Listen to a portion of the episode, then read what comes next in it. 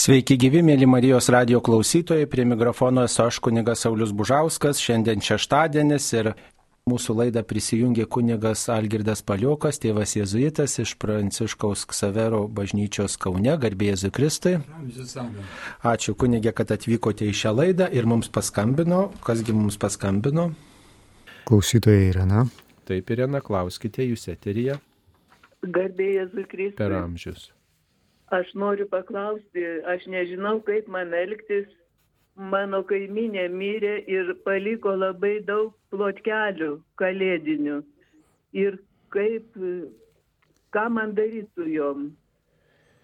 Mm, taip, e, na tai ką galime patarti su plotkeliam, kaip elgtis.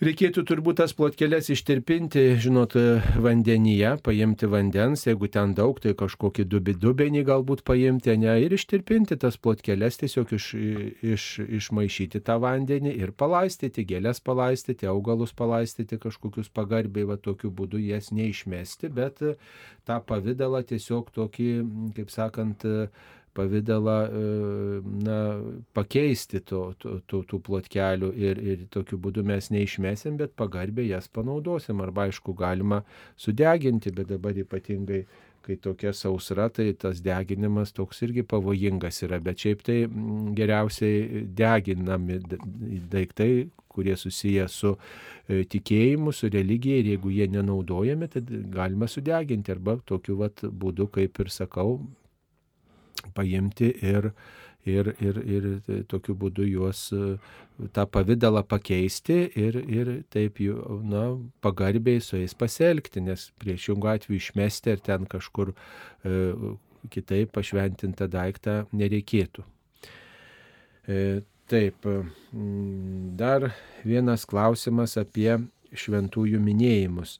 Kodėl tam tikromis dienomis minimi šventieji, o kai ateina sekmadienis arba kokia kita šventė, vienas ar kitas šventojo minėjimas yra praleidžiamas. Tačiau labai paprastas dalykas. Šventės ir, nu, ir minėjimai yra skirtingos kategorijos ir yra svarbiausi dalykai, kur yra apribojami mažesnių dalykų minėjimas. Čia kaip pavyzdys gali būti, sakysim, e, per Velykas. Laidoti negalima. Reiškia, yra didžiulė šventė ir kiti dalykai, reiškia, yra negalimi. Taip lygiai yra ir šventieji yra mažesnis dalykas jo paminėjimas, nes yra viešpaties diena, Kristaus prisikėlimo šventimas sekmadienis. Tai ir tokiu būdu, kai yra svarbesnė e, šventė, tai kitas e, mažesnis dalykas yra praleidžiamas.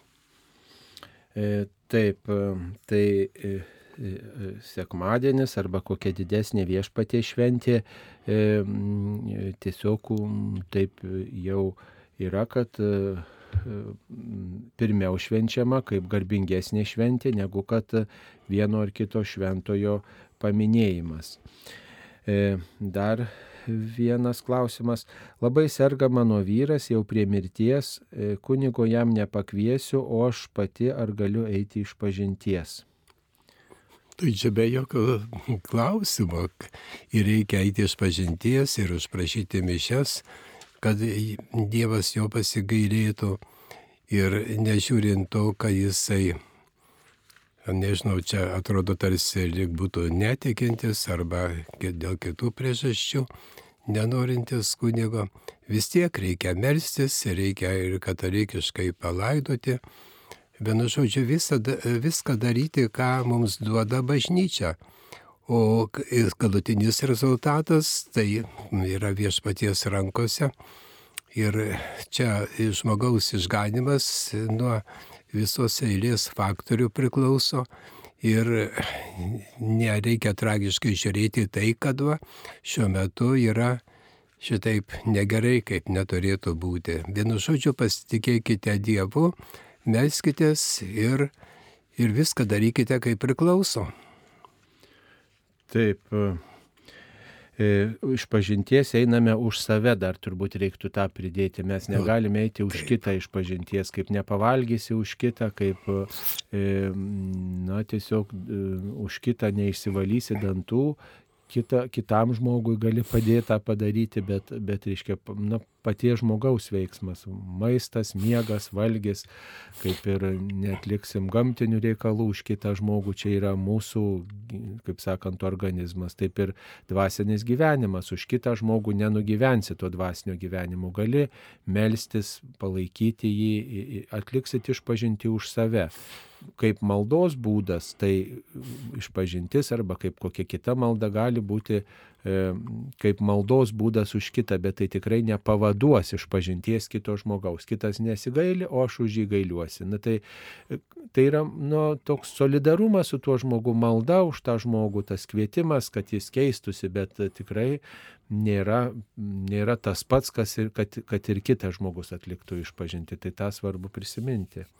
Tai dar girdėjau tokį, na, kaip čia pasakius, tokią praktiką. Moteris sako, vyras neina iš pažinties, tai aš įprastai tai retokai eidavau iš pažinties, bet todėl norėdama jam padėti ir Dievą išprašyti pagalbos, pradėjau dažnai eiti iš pažinties. Nu tai žinot, čia, čia va toks būtų tarsi vietoj jo, bet tai nėra vietoj jo išpažinties, tik tai toksai pamaldus prašymas viešpaties, kad jisai pasigailėtų ir padėtų šitam atvejui. Taip, mums paskambino. Laura iš Vilniaus. Taip, Laura, klauskite jūs eteryje. Garbėsiu Kristus. Per amžius. Taip, aš turiu tokį pastebėjimą. Dar leidžiam vakar, buvo birželinės pamaldos, be kalbant litaniją iš švenčiausios Jėzaus širdies iki pusės atkalbėjo išjungė, įjungė kažkokį tai pokalbį ir ne pirmą kartą šitaip darosi. Čia jau turbūt ne technikos bėda, bet, bet operatorius kažkaip tai nesusigaudo. Būna, būna laida ir vidury laidos nei iš šio, nei iš to paima ir įkiša kažkokią tai ar pokalbį, ar muzikinę pauzę. Ir vakar, ne tikrai, taip sunervavo, pusę atkalbėjo litanijos, dar gesmė liko ir bats ir išjungė. Nu tai va žiūrėkit, tam biškai su tą Marijos radė tikrai labai negeri dalykai darosi. Blogi ten dar darbuotojai ar kas ar tiesiog neatsakingi. Gerai. Taip, tai čia gali ir operatorius mūsų pakomentuoti, ką nors, kokių idėjų turite šiuo klausimu. Tiesiog taip daugiausiai priklauso nuo operatoriaus darbo. Šiuo atveju vakar nebuvau tuo metu, bet kolegoms perduosiu ir jie galėtų plačiau pakomentuoti. Na, kartais, žinot, technika, šiek tiek palikus techniką be priežiūros, tiesiog taip atsitinka kartais, kad nutraukia ar laidą, ar, ar, ar, ar, na, ar kokį įrašą, tai visur tas žmogiškas faktorius įsiterpia. Tai ačiū, kad pastebite ir bandysime tikrai ateityje, kiek galime vengti tokių, tokių nesklandumų. Taip, dar viena žinutė. Norime sužinoti, ar katalikų kunigai gali pravesti santokai reikalingas paskaitas, juk ne visi jaunavedžiai sugeba viešai diskutuoti dėl sveikatos problemų ar uždaro charakterio, ar uždaro būdo ir panašiai.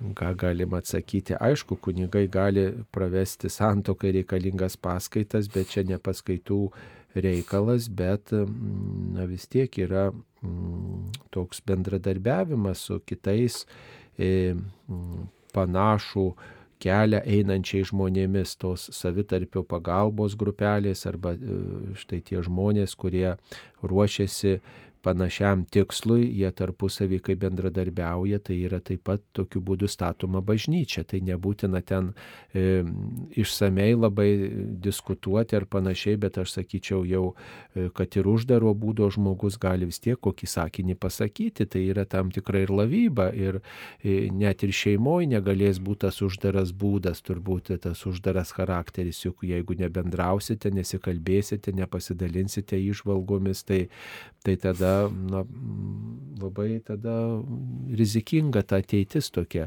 kai žmonės nesikalba apie tai, ką išgyvena, kaip jaučiasi, kaip supranta vienus ar kitus dalykus, tai kaip gali kartu kurti bendrą ateitį. Tai e, čia jau yra pasaulinė tokia praktika, kad tie žmonės, kurie eina į bendrą tikslą, jie tarpusavį e, dalintųsi apie tai, kaip jiems sekasi. Tai čia ir sutvirtinimo sakramente, e, sakramentui ruošiant bandoma tą daryti, kad tarpusavį žmonės diskutuotų, perduotų vienas kitam tikėjimą arba palaikytų, išsklaidytų abejonės, vienas kitą sustiprintų, čia toks broliškumas ir ne tik tai paskaitų reikalas. Atėjo kunigas, atskaitė paskaitą, visi pa, pasnaudė, kas pasiklausė, kas pa, mobiliam pažaidė ir čia viskas gerai maždaug. Aš uždaro būdo, atstokit nuo manęs.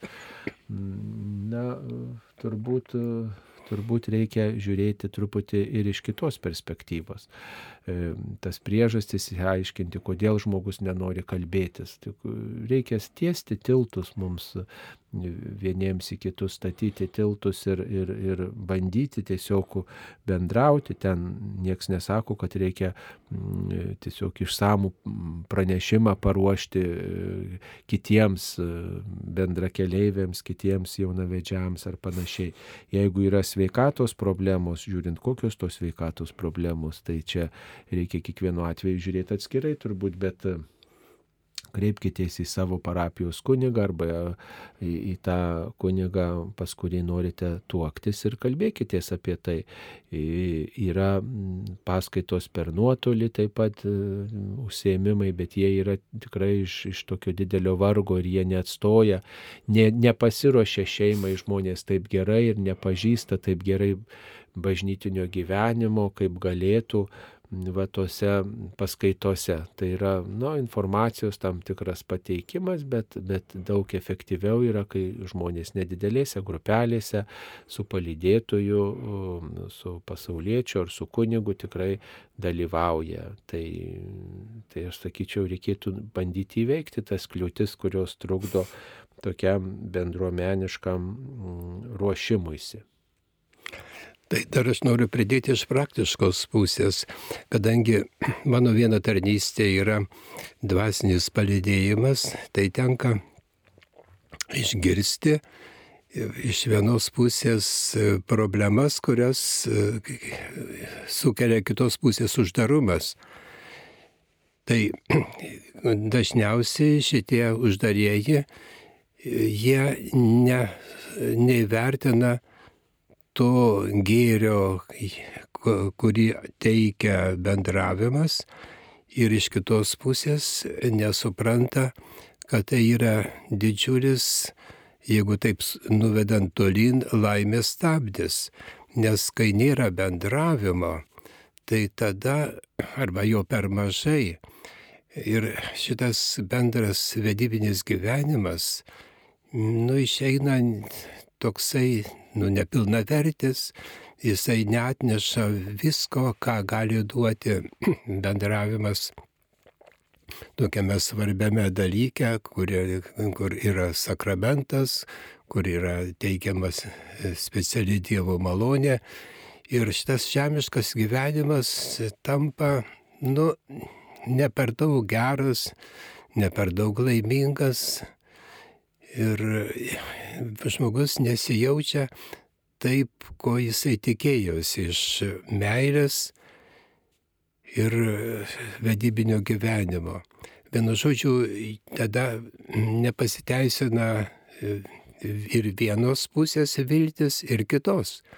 O uždarumas, nu tai kągi, Žmonės yra intravertai ir ekstravertai, jeigu taip į dvi dalis suskirščius, na, yra intravertiškumas, tai, nu, tai ne tragedija. Jeigu pačiam nepavyksta jį įveikti, tai tada yra psichoterapija ir ten yra žinomi tie atrakinimo e, raktai ir juos pateikia ir žmogų tikrai pakeičia. Teko girdėti ir apie tokius dalykus, tikrai tai vyksta. Taip, mums paskambino. Vincenta iš Klaipėdos. Klauskite jūs eterija, mėla Vincenta. Garbėjasi Kristų. Per amžius. Kunigėliu, labai labai noriu, kad paaiškintumėt, kaip čia yra. Mūsų lietuvių kalboje yra tokie mm, gražų žodžiai - pagirta, palaiminta ir pagarbinta. Dabar e, aš štai suprantu, kad e, du žodžiai - palaiminta ir paga, pag, pagarbinta - tai yra sakraliniai žodžiai, tai žodžiai, kurie yra mūsų maldose, kurie priklauso bažnyčiai. Pagirtas tai yra pagirtas namuose, pagirtas mokykloje, pagirtas už gerą darbą, žmogus pagirtas. Kalbame sveiką Mariją. Klaus, išsi- įsižiūrėjau naujajam e, šventajam rašte, Kavaliausko yra panelė švenčiausia palaiminta. Nes kai atbėgo jinai, būdama nešė, sako, tu esi, gavai, reiškia, palaiminta Dievo esi. Paskui le, lenkų kalboj blagaslavliona, rusų kalboj blagaslavliona taip pat tas pats žodis. Kodėl mūsų lietuvių kalboj tas pagirta tarp moterų. Aš geriu mokinį, aš geriu gerą žmogų už gerą darbą, o panelė švenčiausia, kai kalbu sveika Marija, kiekvieną kartą su širdgėla. Aš nekalbu, aš negaliu kalbėti, bet aš negaliu klausytis. Ir bažnyčiai kunigai tą pačią klaidą daro. Pagi, e, paga, e, nepagarbinta ir nepalaiminta, pagirta. Tai mane tegul giria už gerą darbą, o čia panelė švenčiausia. Ir dabar šitą, mm, tas žodis pagirta e, atėjo maždaug prieš 40 metų mane mama mokino į kunigas Šveikauskas, prie pirmos komunijos priėmė. Ir visą laiką mes kalbėdavom sveika Marija, malonis, tu pagirta, tu palaiminta tarp moterų, o ne pagirta. Kodėl kunigėliai negirdi šito? Kodėl neišvaizo? Čia yra klaida. Žodis įkištas visai ne į tą vietą. Mūsų Marija, mūsų mes Marijos žemės mūsų Marija švenčiausia, mylimiausia ir paprastai žodžiai išvaidoma. Nu kodėl? Taip, ačiū už jūsų išvalgas. E, tai e, tikrai reikia pasakyti, kad e, pagirtas tavo iščių vaisius Jėzus tai būdavo melžiamasi ir seniau, bet vat e, 20-ojo amžiaus e, viduryje, kai buvo ir mišiolas verčiamas į lietuvių kalbą, kai buvo tekstai peržiūrimi, tai štai ta pataisa ir įsigalėjo, tu pagirta tarp moterų ir pagirtas tavo sūnus Jėzus. Ta pataisa taip jau yra prigijusi, tai dabar vėl keisti reikėtų tokio bendro sutarimo ir tikrai tokio įsiklausimo, bendro įsiklausimo į vairias nuomonės. Tai e, aišku, daugelis žmonių atkreipia dėmesį, kad originalas e, būtų tiksliau išverstas į lietuvių kalbą, jeigu būtų palaimintas. Bet, e, na, tuo met 20 amžiuje vertėjai, redaktoriai taip suprato turbūt, kad gyrius, e, garbė, pagerbimas yra tokie artimi žodžiai ir turbūt katechetiniais tikslais, kaip aš suprantu, kad būtų visiems aiškiau suprantamiau tą įdėjo pagirtas, nors e, nuo originalo truputį nutolta galbūt tokia prasme. Reikia pasakyti, kad kai kuriuose tautose panašiai yra išversta, kai kuriuose kraštuose, bet daugumoje kraštų yra palaiminta esi tarp moterų, palaimintas tavo iščių vaisius. Na, čia ateities svarstymai liturginiai komisijai. Čia liturginė komisija tuos tekstus e, rengia, tuos tekstus e, redaguoja ir taip pat e, čia turbūt reikėtų jau patvirtinti tam tikras pakeitimus darant, to, tokio patvirtinimo reikėtų iš Dievo kulto ir sakramentų kongregacijos Romoje. Tai čia toks gana ilgas ir keblus procesas. Tai mm, ačiū, kad jūs išsakote šitas išvalgas ir tikrai privačiai galite melstis, o, o kartu e, meldžiantis su kitais, tai tikrai kviečiu būti kantriais, kviečiu būti tokiais ir nuolankiais ir priimti, kad tai vis dėlto artimos prasmės žodžiai. Tikrai e, na, svarbu gal, kad mūsų širdis neužsirūstintų, nesupyktų, mes ne, ne, nepasiduotume tokiam smerkimui, puikybei, kad aš geriau žinau, kaip yra. Na, žmonės, kurie keitė, žmonės, kurie svarstė, turėjo savo argumentus, savo laiku tie argumentai buvo priimti, išklausyti, atrodė labai svarbus, dabar atrodo truputį kitaip, tai būkim kantrus, galbūt ir, ir, ir bus priimti tie pokyčiai, bet, bet dabar, kol nėra kitaip patvirtinta, tai oficialus vertimas yra toks, o, o privačiai galime melstis taip, kaip mums atrodo tinkama. Aš irgi, kai melžiuosi privačiai, mėgstu melstis ir, ir, ir, ir palaimintasi tarp visų moterų, palaimintas tavo iščių vaisius, bet va, oficialus patvirtintas vertimas yra toks, tai kaip melžiamės oficialiai, melžiuosi taip. Ir čia prasmės yra artimos, čia tokie subtilūs niuansai, kurie, kurie aišku, kai kam atrodo labai svarbus, bet iš esmės, iš esmės ta, mm, ta, ta tokia tikrovė, jinai, jinai nu, nekeičia. Vis tiek mes gerbėm sūnų, gerbėm e, Dievo sūnų, Marijos sūnų, kuris e, tikrai prasidėjo iščiose Marijos kaip žmogus e, atėjo, prieėmė žmogystę iš mergelės Marijos, tai sakyčiau, tos pagarbos galim Dievui parodyti tikrai nemažiau ir per tuos žodžius, kurie ir dabar yra patvirtinti. Aš taip sakyčiau. Ir dar reikia pridėti tai, kad pagal to laiko sampratą ir jis ten dalyvavo komisijoje ir kalbininkai, galbūt buvo artimesnė ta reikšmė, bet reikia žinoti, kad keičiasi mūsų, mm, reiškia, žodis, bet jis kartais įgyja šiek tiek kitą reikšmę. Ir todėl tuo metu taip pasirodė geriausia, taip ir padarė. Taip kad čia bažnyčia, Lietuvos bažnyčia, ką nusprendė, kaip yra, tai mes viešumoje nu, negalime reikštis taip, kaip mums atrodo o asmeniškai kaip norim, tai galim melstis.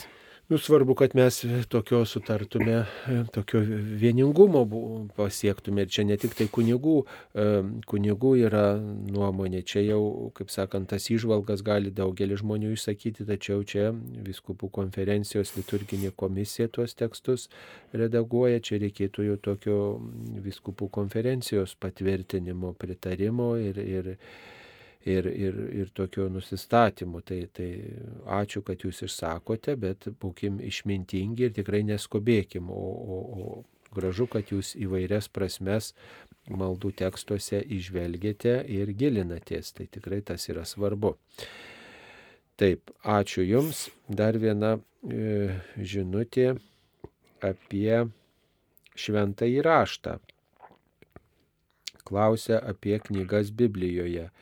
E, ar ekumeninėme leidime esančios antrojo kanono knygos ir atsido išminties nėra kilusios iš šventosios dvasios. Tai apie antrąjį kanoną toks klausimas.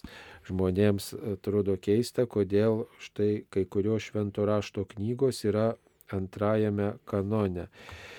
E, reikia pasakyti, kad mm, antrasis, antrojo kanono devynios knygos, tai e, Senojo testamento knygos Tobito, Juditos, mm, pirmoji ir antroji Makabėjų knygos ir Acido, Barucho, Esteros, e, išminties knygos, taip pavadintos antrojo kanono knygos ir taip jos atskiriamos nuo pirmojo kanono hebrajiškos Biblijos nes e, antrojo kanono knygos buvo išverstos į graikų kalbą ir įtrauktos į, į septuagintą graikiškai iškia, šventojo rašto e, vertimą. Ir, ir iš ten visos tos knygos buvo išverstos į lotynų kalbą Volgatos, Volgatos leidimą. Ir Tridento susirinkimas XVI amžiuje pripažino antrojo kanono knygas kaip autentiškas ir patvirtino štai visą tą katalikų Biblijos kanoną. Tai tokiu būdu jos patvirtintos tos knygos kaip šventosios dvasios įkviptos ir tikėjimui naudingos ir ugdė tikėjimo bendryje. O protestantai remiasi tik tai hebrajiškos, hebrajiškomis švento rašto knygomis, kurios hebrajų kalba buvo parašytos ir na, neišverstos į, į, į graikų kalbą. Tai na, jie laiko, kad tai yra maldingi raštai protestantų bendruomenės, maldingi raštai ir nepriskiria Dievo žodžio autoriteto toms knygoms. Tai norint pagerbti ir siekti vienybės vis dėlto jos įtrauktos tos knygos ekumeninėme švento rašto leidime na, taip atskirai e, išryškintos, kaip antrojo kanono knygos, taip ir vadinamos antrojo kanono knygomis. Tai kai skaito katalikai, tai supranta, kad tai jos yra viso švento rašto dalis, kai skaito protestantai ekumeninį leidimą, tai jie priima tik tai pirmojo kanono knygas, antrojo, antrasis kanonas jiems nėra svarbus. E, tai mes siekiam vienybės, gerbiam vieni kitus ir galim E, sutarti dėl pirmojo kanono, o štai mūsų požiūriai į antrąjį kanoną išsiskiria. Tos e, kai kurios knygos, e, na, va, taip skirtingai yra traktuojamos, bet juose ten taip pat yra daug išminties ir mes ten išvelgiam taip pat šventosios dvasios veikimą. Krikščionių ben, katalikų bendruomenė ten išvelgia e, Dievo veikimą tose knygose. Tai jau yra nutarta, atpažinta ir stiprina krikščionių bendruomenę tos knygos. Tai ačiū, kad jūs domitės e, šventuoju raštu e, ir skaitote šventą raštą kiekvieną dieną ar bent jo klausote kuo įdėmiau. Dar viena žinutė pasiekė mus, tai apie arkivyskupą Makritską, kokia kada ir kokia proga tikėtina jo viešnagė Lietuvoje. Kiek žinau, arkivyskupas Makrickas atvyksta į e, Švento Jono atlaidus, kurie bus švenčiami Biržų bažnyčioje. Tai tikrai galite susitikti ir pabendrauti su arkivyskupu Rolandu Makricku. Taip, dar vienas klausimas, kaip galėtumėte paaiškinti apie bažnyčios požiūrį į plintančią naują tradiciją rožinio kelią. Štai rožinio kelias. Tai turbūt e, tas rožinio kelias, tai yra tos stotelės, aš taip suprantu, kurios e, yra įruošiamos ar prie bažnyčios, ar rekolekcijų namų, ar panašiai. Ir ten pavaizduotos rožinio stotelės, rožinio tos paslaptis. Ir tai yra galimybė apmastyti rožinį, apmastyti Evangeliją apmastyti, kaip e, viešpats veikė istorijoje, šventam rašte ir kaip viešpats veikia mūsų gyvenime. Tai rožinis yra Evangelijos tam tikra meditacija ir rožinio kelias yra tokia pagalba tam. Aišku, ne visada gal lengva, paprasta einant tas, e, tą rožinio kelią melstis, nes paprastai tarp stotelių trumpesnis atstumas negu kad rožiniai sukalbėti e, reikia laiko, tas paslaptis sukalbėti, tai tiesiog sustojama kažkur, pasimeldžiama, šiek tiek toliau einama, nes rožinis tokia kelio malda labai gerai einant, važiuojant melstis, tai tos e, scenos, kurios nupieštos ar kažkaip e, padarytos e, skulptūromis ir panašiai, jos yra tokia reali pagalba mūsų keliai. Bet klausykit, kaip kryžiaus kelias, tai irgi taip pat yra netoliese stotis viena kitos, nu ir tada taip, reiškia, einama ir, ir apmastoma. Taip, tai tikrai kviečiam tuo pasinaudoti ir, ir pasidžiaugti šitą galimybę ir stiprinti savo tikėjimą. Na, dar žiūrim, kokios žinutės čia mums atsiustos taip apie Dievo kūno šventę. Kokia Dievo kūno šventės prasmė? Dievo kūno šventė devynios savaitės po Velykų. E, Lietuvoje švenčiama sekmadienį, kitur ketvirtadienį. Švenčiama va, tą devintąją savaitę e, po, po Velykų. E, Lietuvoje keliama ši šventė į sekmadienį, kad visi tikintieji galėtų dalyvauti. Na tai šiai šventėje tikrai jau daug metų, nuo, nuo kokio 13 amžiaus turbūt. Ir tai yra būdas pagerbti švenčiausiai sakramentą procesijoje, tiesiog išeiti su tikėjimu, pagerbti viešpatį ir paliūdyti net ir pasauliu, kad mes branginam Kristų Euharistijoje branginam Kristų, tikim, kad čia pasilieka Dievas, kaip yra pažadėjęs, ne tik tai šventų mišių metu, bet ir nuolat pasilieka tuose pavydaluose, neatšaukiamai, e, kartą ir visiems laikams. Ir dėl to e, bažnyčioje saugoma švenčiausias sakramentas ligonėms, dėl to švenčiausių sakramentų laiminami žmonės ir mes turim tokį, tokį būdą, kaip pagerbti Dievą esantį su mumis nusižeminusi e, ir esanti toje duonoje. Tai reikšmė tokia, kad mes e, padėkojam Dievui už šitą jo dovaną ir atskirą šventę tokią iškilmę pagerbėm viešpatį ir tokiu būdu paliūdėjom kitiems savo tikėjimą, išeidami į gatves,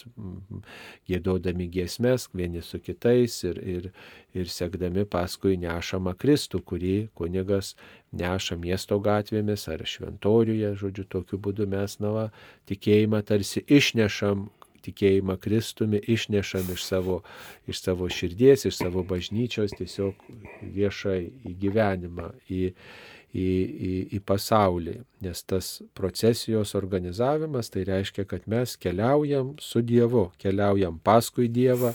Viena vertus čia gyvenime norim keliauti su Dievu, sekti juo, mokytis iš jo. Kita vertus mes keliaujam į Dievo karalystę, į, į amžinybę, į Dievo akivaizdą per visokius išbandymus ir tas Dievo artumas mūsų gyvenime yra labai svarbus. Tai dar noriu pridėti štai ką kad būtų aiškiau, kaip viskas prasidėjo. Balseno yra šiaurės Italijos miestas ir į Romą keliaujantis vienas piligrimas kunigas aukojo šventasias mišes Balsenos mieste ir jų metu iš ostijos pradėjo bėgti kraujas. Ir jisai tas kraujas tada ant altoriaus sudrėkino korporalą, tai reiškia tas e, kvadratinis medžiagos gabaliukas, kuris patiesiamas visada prieš e, mišes, kad būtų šventieji pavydalai, taip sakant, apsaugoti nuo, jeigu kas nubirės ar ką. Ir, ir paskui tenai surenkami tos dulkelis, kad viskas būtų pagerbiama ir nu, kunigo priimama. Nu vienu žodžiu, ant to korporalo tekėjo kraujas ir kadangi šventąją ostiją, iš kurios tekėjo kraujas, nu, privalo kunigas priimti, tai po šitų mišių žmonės matė, dalyvaujant žmonėms keliavo į kaimininį miestą, kuriame tuo metu rezidavo popiežius. Ir popiežiui nunešė šitą korporalą ir paskui jisai buvo įstatytas į tokią pagerbimą, relikviorių pagerbimui. Na, o popiežius po to jisai ir įvedė šitą Dievo kūno pagerbimo ir šventę ir procesiją. Ir nuo tų laikų, nuo 13 amžiaus jau mes katalikų bažnyčioje turim e, šitą šventę ir procesiją. Taip, tai tikrai dalyvaukime sekmadienį savo parapijose. E, ne tik tai šventose mišiuose, bet ir procesijoje, kurioje e, sustojama keturis kartus ir skaitoma arba gėdama Evangelija, kurioje yra proga prisiminti, apmastyti e, viešpaties Jėzaus na, va, tą nusistatymą, mus stiprinti, stiprinti savo, savo artumu ir tą vienybę, taip svarbu krikščioniui su Jėzumi palaikyti. Mums paskambino. Julija iš Elektrienų. Taip, klauskite. Garbėzui Kristui. Per amžius. Norėjau paklausyti, skaičiau, šie, šiemet skaičiau, kad e, Europoje yra bažnyčios patvirtinti penki švenčiausios mergelės Marijos apsireiškimai. Tris žinau, dviejų ne. Tai kaip, kaip aš žinau, tai reiškia, anksčiausias būtų Šiluvoj prieš daugiau nei prieš 400 metų, paskui būtų Durdė maždaug 160 apytiksliai ir, ir paskutinis, kiek aš žinau, kiek at, Portugalijoje Fatimui apsireiškusi piminėlėms. Ir žinau a, apie Medžiugorę, bet kiek, kiek supratau, kad jinai tyriama ir bažnyčios dar nepatvirtinta. Tai vat, kas dar du, nežinau. O jeigu kur klystu, prašome mane pataisyti. Taip, Medžiugorijoje dar nėra iki galo patvirtinta, nes tie apsireiškimai tęsiasi, tai iki galo dar nėra tikrumo apie jų tokį patikimumą. Aišku, leistos piligriminės kelionės, gražus vaisiai, daug labai išpažinčių, žmonės atsiverčia e, į tikėjimą, atranda iš naujo, atranda rožinio maldą, gerbė mergelę Mariją ir tikrai ten yra, kaip vadinama, pasaulio klausykla. Tai tokie gražūs vaisiai, bet va, tas regėjimų visas turinys tai svarstomas ir kaip jau baigėsi regėjimai, tik tai tada tokia tradicija yra bažnyčioje, tai yra kažkaip tyriama, apibendrinama, išvados kokios. Na bet popiežius leido piligrimystę, patvirtino, kad tai yra tikrai tokia vaisinga piligrimystė ir yra tas tie penki akmenėliai mm, ten tokie primenami, kad, reiškia, krikščionis turi turėti tuos penkis dvasinius akmenėlius Mm, savo gyvenimo keliai, tai, tai žodžiu ten, jeigu būtų kažkas klaidinga prieš tikėjimą, tai aišku, ne, tos piligrimystės būtų draudžiamos, nepritariama joms, bet daugybė viskupų, daugybė kunigų ten yra keliavę, daugybė ten piligrimų iš viso pasaulio sustiprina savo tikėjimą. Mm, tai Mm, tikrai dar tokia pakeliu į bažnyčios pripažinimą ši vieta. O dar jūs nepaminėjote Latino Amerikoje kaip ta vietovė vadinasi. Gvadelupė. Gvadelupė, taip, Gvadelupės e, apsireiškimo vietos, kur indienui pasirodė bero 16 amžiuje mergelė Marija ir tikrai tas atvaizdas toks nedidukas, bet tikrai įspūdingas ir jo istorija tokia yra, kad štai tas atvaizdas, ta medžiaga turėjo jau suirti per kiek laiko, bet nesuiro ir mokslininkai netgi ištyrę to atvaizdo tame atvaizde e, pavaizduotos mergelės Marijos akis, vat, atrado tose akise, e, reiškia, to indieno atvaizdą. Įsivaizduojate, taip, reiškia, ištirta yra, kad vat, tarsi nufotografavo Mariją savo žvilgsniu ir tam atvaizde yra išlikę. Tai tikrai įspūdingas dalykas. Tai taip šitos visos vietos yra oficialiai bažnyčios pripažintos. Na, Šiluvoje mergelė Marija anksčiausiai pasirodė, mm, va, daug apie tai nėra žinoma, tačiau va, ta piligrimystės tradicija nuo senų laikų leidžia mm, mums suprasti, pritarti, kad tai tikrai yra svarbus, autentiškas dalykas ir tikėjimą žmonėse skatinantis ir pagarbą mergelė Marijai. Mergelė Marija kvietė garbinti garbinti sūnų, kuris yra Dievo sūnus, e, mūsų gelbėtojas. Tai tas Marijos kvietimas, e, rodimas į Jėzų atsispindi ir, ir įvairiuose, įvairiuose paveiksluose. Tai žinot, dar vienas dalykas, Europoje tikrai Marija pirmoji pagal, e, reiškia, metus tai yra pirmas pasirodymas Europoje. O pasaulyje vis tiek yra Gvadelupės pasirodymas. Ten buvo dar anksčiau. Kažkiek tai. Tai va, tai rodo, Marija rodosi kaip motina, mumis rūpinasi ir pasako, ką reikia daryti. Kiekvienas pasirodymas atneša savo pasiekmes, kai jeigu žiūrinti į Lietuvą, tai žinom, kaip iš kalvinizmo Lietuva įsivadavo dėkam Šilvos Marijos pasirodymo. Taip lygiai ir kad Gvadelupiai pradėjo tūkstančiais krikštytis vietiniai gyventojai. Ir dabar Meksika, kuri yra Gvadelupė, yra galbūt Latino Amerikoje pati pamaldžiausia tauta, net iki šioliai ir jų lankomumas sekmadieniais bažnyčios yra, nežinau, kiek kartų didesnis negu Lietuvoje. Ir tenai taip jau priimta Junktinėse Amerikos valstijose, kadangi tenai meksikiečių yra nemažai, tai jau žino, kad jeigu meksikietis, tai ir katalikas, ir pamaldus.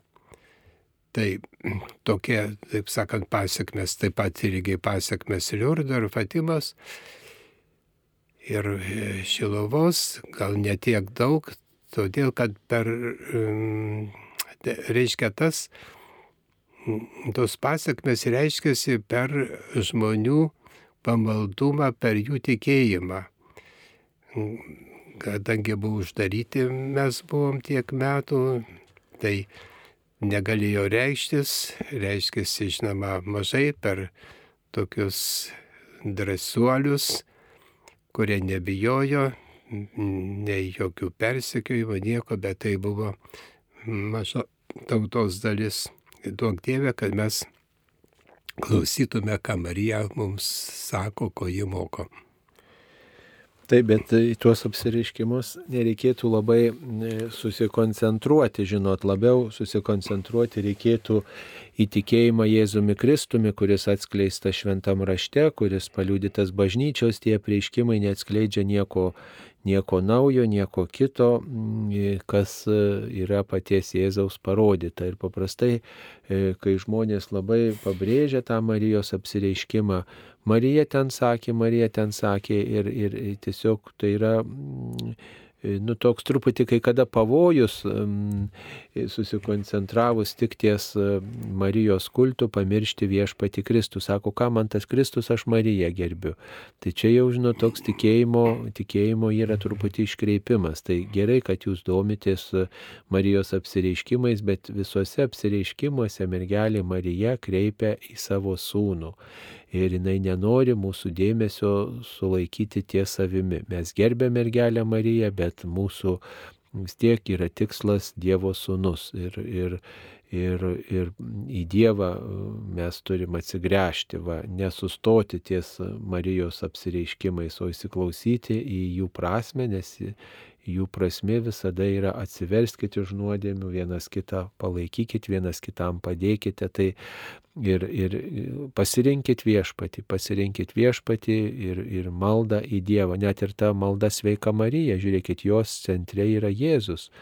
E, tos maldos vidury yra Jėzus, kuris yra vat, atėjęs per mergelę Mariją, prie mūsų prisertinės, bet jis dėl mūsų atėjo.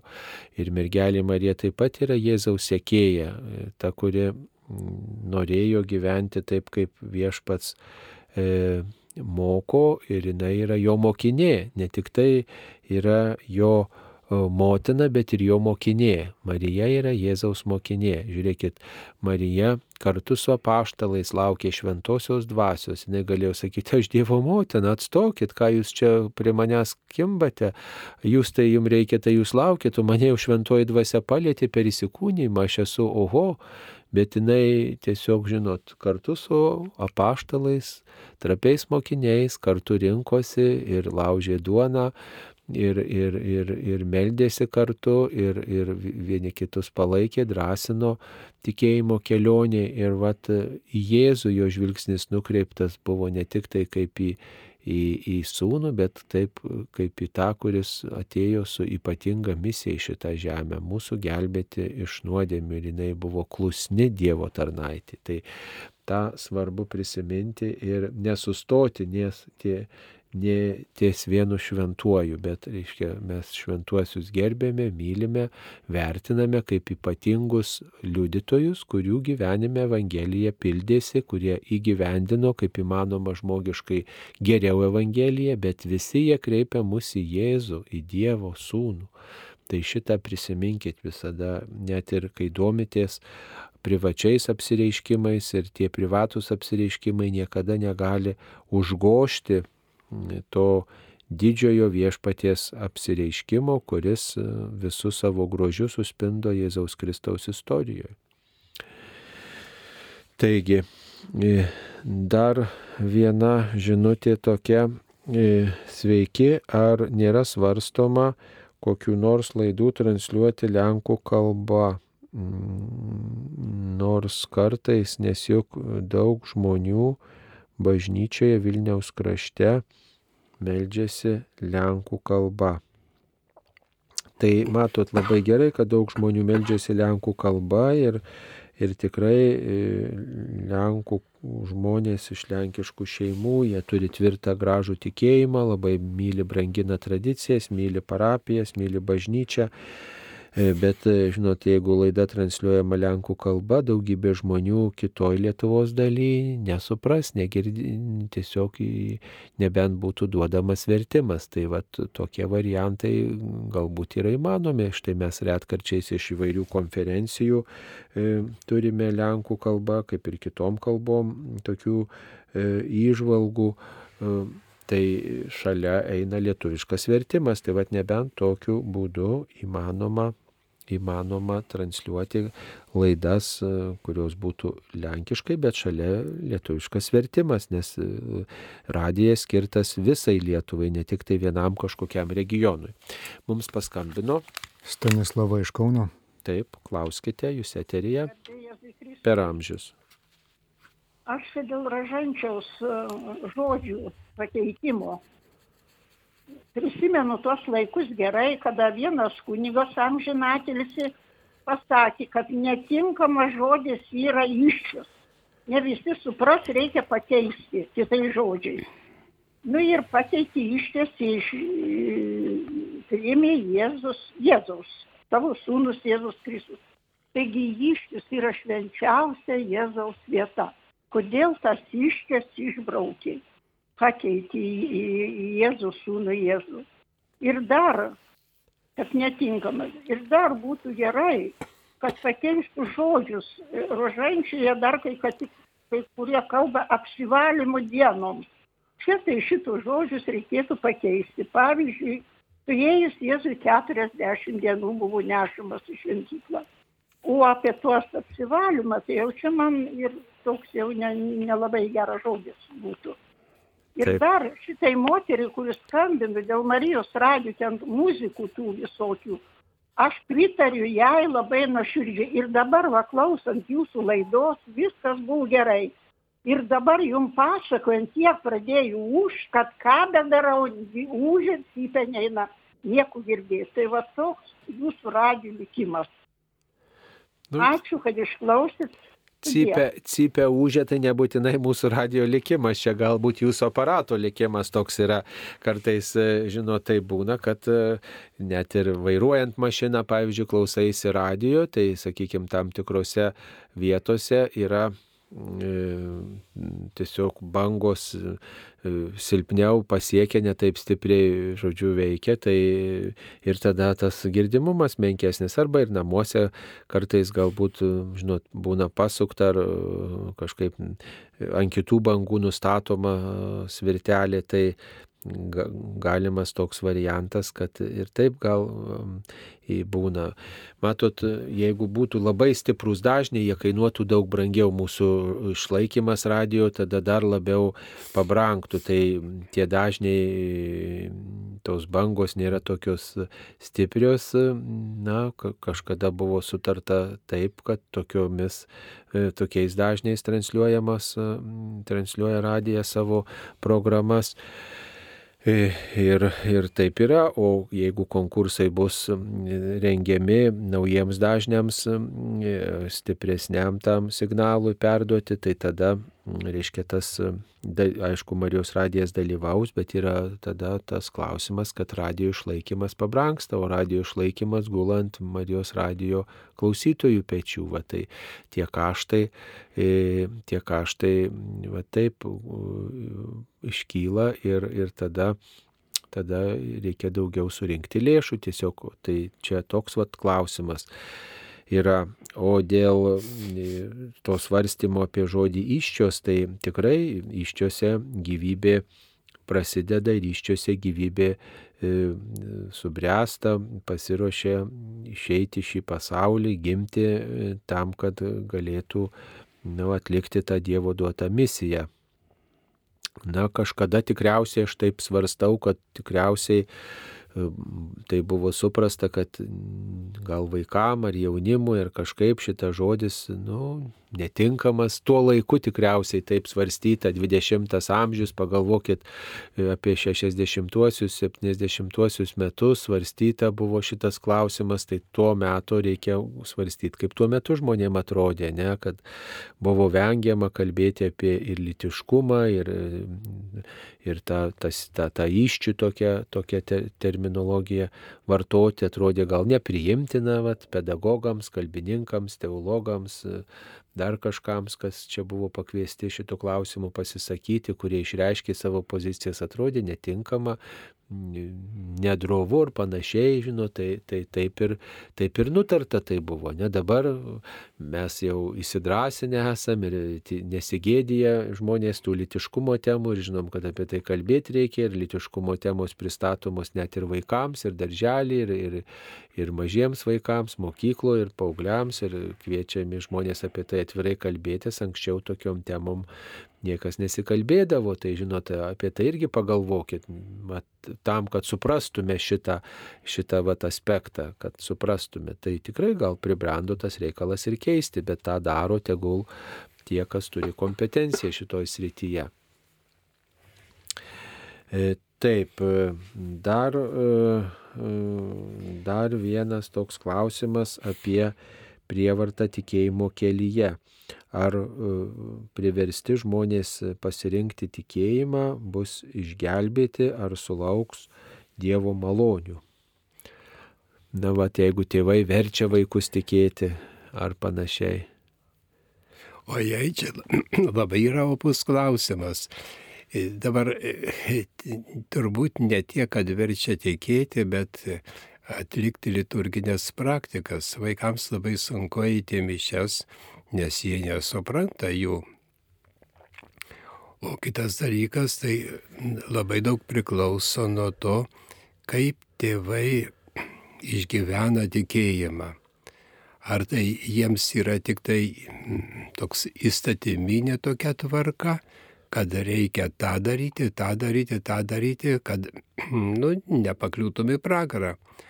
Jeigu tik tai šitoks tikėjimas yra įstatyminis, tai jisai vaikams yra šiais laikais kažkoks per sunkus, jis, žinot, laisvės laikai, čia tu gali pasirinkti, tu gali taip galvoti, taip galvoti, taip elgtis ir panašiai, tai vaikai ir tuo naudojasi. Todėl labai svarbu, kad tėvai pereitų į meilės tikėjimą. Reiškia, kad ryšys su Dievu būtų neįstatyminis, o iš meilės. Tada meilė jau persiduoda ir vaikai tą meilės ryšį gali praktikuoti, nes e, tas ryšys yra suprantamas. Meilės ryšys yra toks dalykas, kad čia ne per daug ten ir paaiškinsi, bet svarbiausia vykdyti. Reiškia, jeigu tėvai turi tą tiek pakankamai meilės Dievui, kuris e, atsiliepia ir jų elgesyje, tarpusavyje, elgesyje su vaikais, tai tada tas dalykas ir persidoda. Nors ir netiek jau daug suprasdami apie mišes, vis tiek jie eina į mišes, nes čia meilė tai padaro tą nuostabų dalyką, kad čia nereikia tiek daug ir žinoti, bet e, tai suprantama, kadangi tai yra tarsi nu, tokia gyvenimo būsena, kad atėjus laikui reikia viešpatį pagarbinti, turiu galvoje sekmadienį, paskui ateina laikas išvažiančiai ir viskas yra labai natūralu. O dabar, kalbant apie tą prievartą, prievartą, tai jau čia, čia jau reikia mokėti taip elgtis, kad nebūtų per daug didelės prievartos ir tik šiek tiek paraginimas, priminimas. Ir, na tai šiais laikais katechetai tą dalyką labai mm, rimtai sprendžia. Ir vienu žodžiu, šitas klausimas yra ir nepilnai atsakytas ir negalim e, duoti tokį receptą, kuris tiktų visiems atvejams, visiems e, žmonėms. Tai va, toks mano pamastymas. Taip. Loué soit ton nom, tu es grand Dieu fort, et nous célébrons Dieu de tendresse, ta miséricorde et ton amour, Pokalbių laida Klausk drąsiai.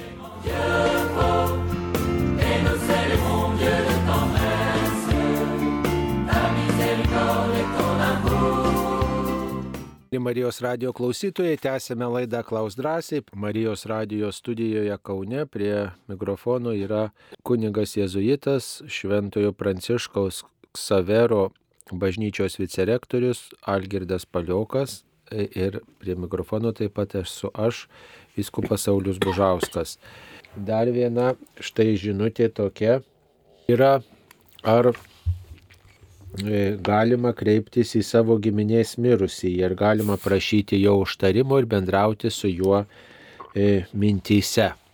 Štai žmonės turi mirusių artimųjų ir kaip dabar bendrauti su jais, kaip čia pasielgti, ką patartume.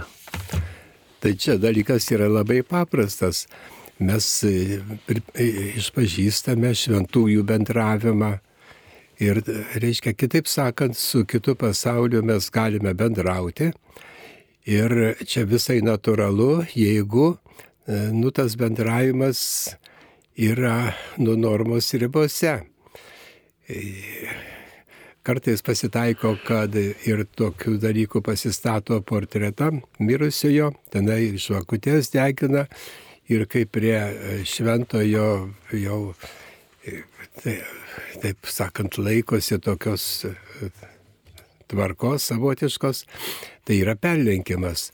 O normaliai tai reikia žinoti, kad Dievas leidžia šito bendravimą, nes e, nu, pirmas dalykas, kas svarbiausia, tai yra e, malda už mirusįjį. Nes jam tai pagalbos tikrai reikia Da, o, o jis gali atsakyti mūsų užtardamas. Jis pats už save negali e, tenai, nu, melsis melžiasi, bet jam nieko štai neduodama. O mes galim pakeisti jo būseną į geresnę. Tai va, todėl tas bendravimas yra geras, sveikintinas Ir be to prisimenant, kad ir mes greitai būsime tame kitame pasaulyje. Ir taip sakant, čia tuo, tuo bendravimu mes pagerbėme ir Dievą, kuris leidžia mums būti kaip viena šeima, viena bažnyčia. Taip, e, tai Tikrai kreipkitės į Dievą pirmiausia. Ačiū tau viešpatė, kad toks giminaitis mano buvo, kad turėjau ten mamą, tėvą, močiutę, dėdę ir dabar jie yra tavo akivaizdu. Linkime viešpatė, prašome, melžiame, kad jie būtų tavo akivaizdu ir kadangi mūsų buvo ypatingas ryšys, tai prašau pagalbos. Viešpatė, tegul tas žmogus mane užtarė, va tokie reikalai, viską, tokius reikalus noriu pavesti, tegul viešpatė tie žmonės mus globoja. Kreipkitės per Dievą pagalbos į mirusius per Dievą. Tai saugus kelias ir tada tikrai mūsų tikėjimas stiprėja mirusiųjų prisikėlimų, šventųjų bendravimo ir, ir tada mes patys artėjam prie Dievo ir užtariam tuos, kurie pirmą mūsų yra viešpatie. Mums paskambino. Antanas iš Žemaitijos. Taip, Antanai, klauskite jūs eteryje. Ha, gerą dieną. Gerą dieną. Garbė Jėzui Kristui. Na. Aš, aš esu dėl vainikėlį klausus čia, gailestingumo vainikėlis, ne, eini pro bažnyčią, dar eini bažnyčią, nu vainikėlį gal ant piršto arba ant rožiniausio kalbėti, jeigu turi kišenį dažniausiai turi, o kad reiškia gauni atlaidus, bet jeigu ka, žiūrint dar ten ir malda knygė litanija, jeigu litanijas net kažkas, ar pilnus gauni, ar tik dalinus te gauni už vainikėlį atkalbėjimą. Taip, atlaidai skiriami tik tai už vainikėlį. Ta prasme, litanija yra jau papildomas pamaldumas, nėra būtini. Čia mūsų toks uolumas yra, mes tikrai įvairias maldas pridedam, galvojam, va dar tą, dar tą pridėsim, kad tas mūsų tikėjimas būtų giliau išgyvenamas, apmastomas, bet e, griežtąją prasme Lietuvos viskupų konferencijos pirmininkas prašė vainikėlį, už vainikėlio kalbėjimą, kad popiežius suteiktų visuotinius atlaidus. Tas ir buvo padaryta. Taigi griežtąją prasme sukalbame vainikėlio maldas, kaip e, jos yra prašytos maldaknygėse naujose, nauja, nu, tiesiog paskutinėse maldaknygėse jos tas vainikėlio ta visa jėga yra prašyta ir paskui pabaigoje reikia pasimelsti popiežiaus intenciją. Tai reiškia, kitaip sakant, palaikyti popiežiaus maldos kažkokią iniciatyvą, palaikyti tas maldas, to, vat, kuriomis meldžiasi popiežius. Tiesiog melstis už tai, kas rūpi popiežiui, dėl ko jis kreipiasi į Dievą va, ir, ir, ir prisidėti, kad ir mums tai rūpi ir mes norime prisidėti prie prie to prašymo ir paremti popiežių jo tokioj tarnystėje, vad, kad tas prašymas įsipildytų, nes popiežius meldžiasi vienu ar kitų dalykų ir tokiu būdu tie dalykai susiję su visuotinė bažnyčia ir taip mes padedam popiežiui vykdyti jo misiją, palaikydami jo prašymus maldose. Tai melstis popiežiaus intenciją griežtąją prasme pagal atlaidų vadovą užtenka sukalbėti tik tėvę mūsų ir sveika Marija maldas. Na dar galima pridėti garbė Dievui, bet kai kas dar nori pridėti ir tikiu Dievą tėvą, bet tai nenurodyta atlaidų vadovė, e, kuris išverstas dabar ir į lietuvių kalbą. E, tai jeigu jūs melžiatės būdami bažnyčioje, ar yra adoracija, ar nėra, bet yra švenčiausias sakramentas saugomas tabernakulyje, melžiatės gailestingumo vainikėlį, sukalbate maldas popiežiaus intenciją ir jeigu reikia prieinate iš pažinties ir priimate šventą komuniją, jūs gaunate visuotinius atlaidus. Kitos maldos yra tik tai kaip priedas ir jos nėra būtinos atlaidams pelnyti. Primenu, kad atlaidus galite pelnyti savo, reiškia, kad mūsų būtų tas pasiruošimas stoti Dievo akivaizdon labiau ištobulintas, kad mūsų tos e, bausmės už nuodėmės būtų atleistos, tos pasiekmes nuodėmių išdildomos, arba galime atlaidus skirti už mirusius, bet ne už gyvuosius, tik už mirusius, kurie jau negali pasirinkti. Gyvėjai gali pasirinkti, tai už juos atlaidai e, jiems, jų dvasiniam tokiam E, kaip čia pasakyti, dvasiniai geroviai nėra skiriami. Arba už save, arba už mūsų mirusius. Už vieną mirusį, pavyzdžiui, ne, arba už, už šeimos mirusius skiriu, tai tegul Dievo akivaizdu ten viešpats skiria tam, kam labiausiai reikia. Tai yra tokia sena praktika, ne tą solidarumą išgyventi. O gyvėjai patys gali melstis, mes, e, taip sakant, jiems meldžiam atsivertimu, bet na, jie patys renkasi, kaip jiems, pasirink, kaip jiems reikia elgtis ir ne į tikėjimą atsiliepti. Taip, dar žiūrim kokios žinutės mums atėjo, dar turime vieną tokią žinutę. E, kiek, kaip metus laiko nebuvus išpažinties pasiruošti gerai išpažinčiai, ar įmanoma viską prisiminti. Tai va, kai kurie žmonės labai retai eina išpažinties arba visai neina, o kaip reikėtų pasiruošti, jeigu žmogus vis dėlto nusprendė eiti išpažinties. Tai ir labai paprasta, kadangi liturginiam maldynė yra pasirašymo išpažinčiai ir maldelės ir kartu sąžinės peržvalga.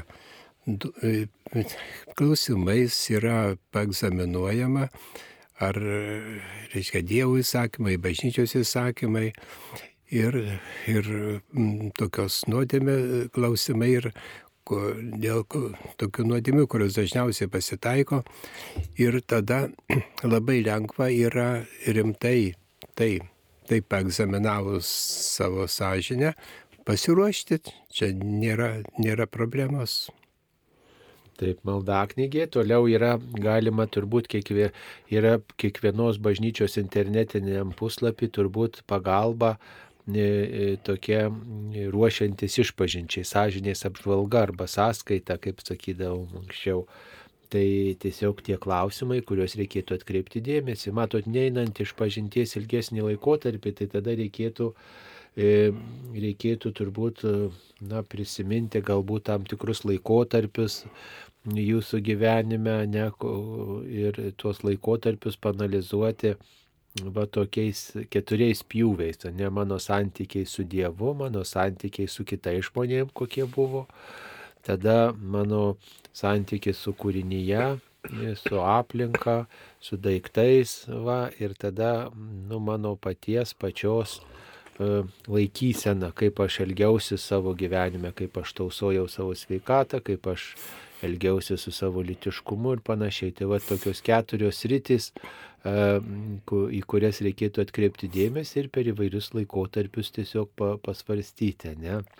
Labai sunku turbūt viską prisiminti, bet svarbiausia išgyventi bendrą tokią atgailos nuotaiką ir tai va ženklas, kad iš pažinties reikia eiti reguliariai. Mums paskambino.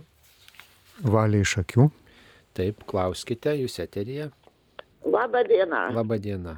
Noriu paklausti, kai transliuojamos sekmadieniais per televiziją mišios iš Vilniaus per, e, per plus programą, tai ten pagrindė visada rodo gėdorius.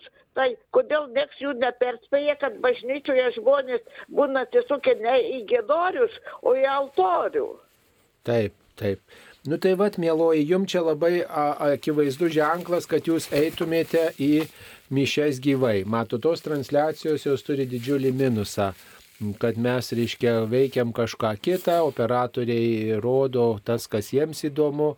Gal, pavyzdžiui, kunigas tuo metu būna plauna rankas ar kažką kitą, toks būna veiksmas kartais prie altoriaus toksai kaip čia pasakyti, operatoriui gal netrodantis labai e, toks, žinot, jau sustiguotas, gražus, darnus, tai tada nukreipia į, į, į kitus žmonės. Arba, pavyzdžiui, nieko neveikia kunigas, gėdama giesmė kokia nors pavyzdžiui, sanktus gėdam, ar ten, ar ten e, garbė Dievo aukštybėse, nu ir va gėda choras. Nu tai chorai yra veiksmo kunigas, jisai skaito tekstą, klausosi, gėda gal, bet, bet nėra didelio o, o, veiksmo. O, o ten, reiškia, yra daugiau veiksmo, ne chorė. Tai tiesiog operatoriui e, tas atrodo įdomiau ir jis nukreipia dėmesį dėl to, kad mišes transliuoja kaip reginį, suprantat, kaip veiksmą tam tikrą, kaip įvykį. O mums tai yra truputį kitaip kita tikintiems žmonėms kitas lygmuo, dėl to reikia liautis stebėti prie televizoriaus, o eiti gyvai į mišes. Ir nenorėti, kad alto, televizorius pavirstų altoriumi. Tai yra informacijos skleidimas, pagalba tiems, kurie gal sunkiai serga, ir, ir taip pat yra prikaustyti prie lovos, nevaikšto ir, ir vairiausių problemų turi, nieks jų nenuveža ir panašiai. Bet net ir tiem žmonėms, sakyčiau, tai nereikėtų, tai yra pagalba, didelė žinoma, bet nereikėtų tuo apsiriboti, o vis tiek bent kelis, kartu, kelis kartus metuose pasikviesti kunigą į namus arba pasikviesti komunijos dalintoje, kad atneštų viešpati Kristų jums viešpati Kristų atneštų jums į namus. Jeigu ateina komunijos dalintojas, jis pasimels ir tiesiog ta liturgija jūsų namuose. Nereikės nei į chorą žiūrėti nieko, bet jūs į Kristų žiūrėsit, kurį čia pat priimsite. O taip pat pakviesti bent kartą metuose kunigą tai tikrai dėrėtų.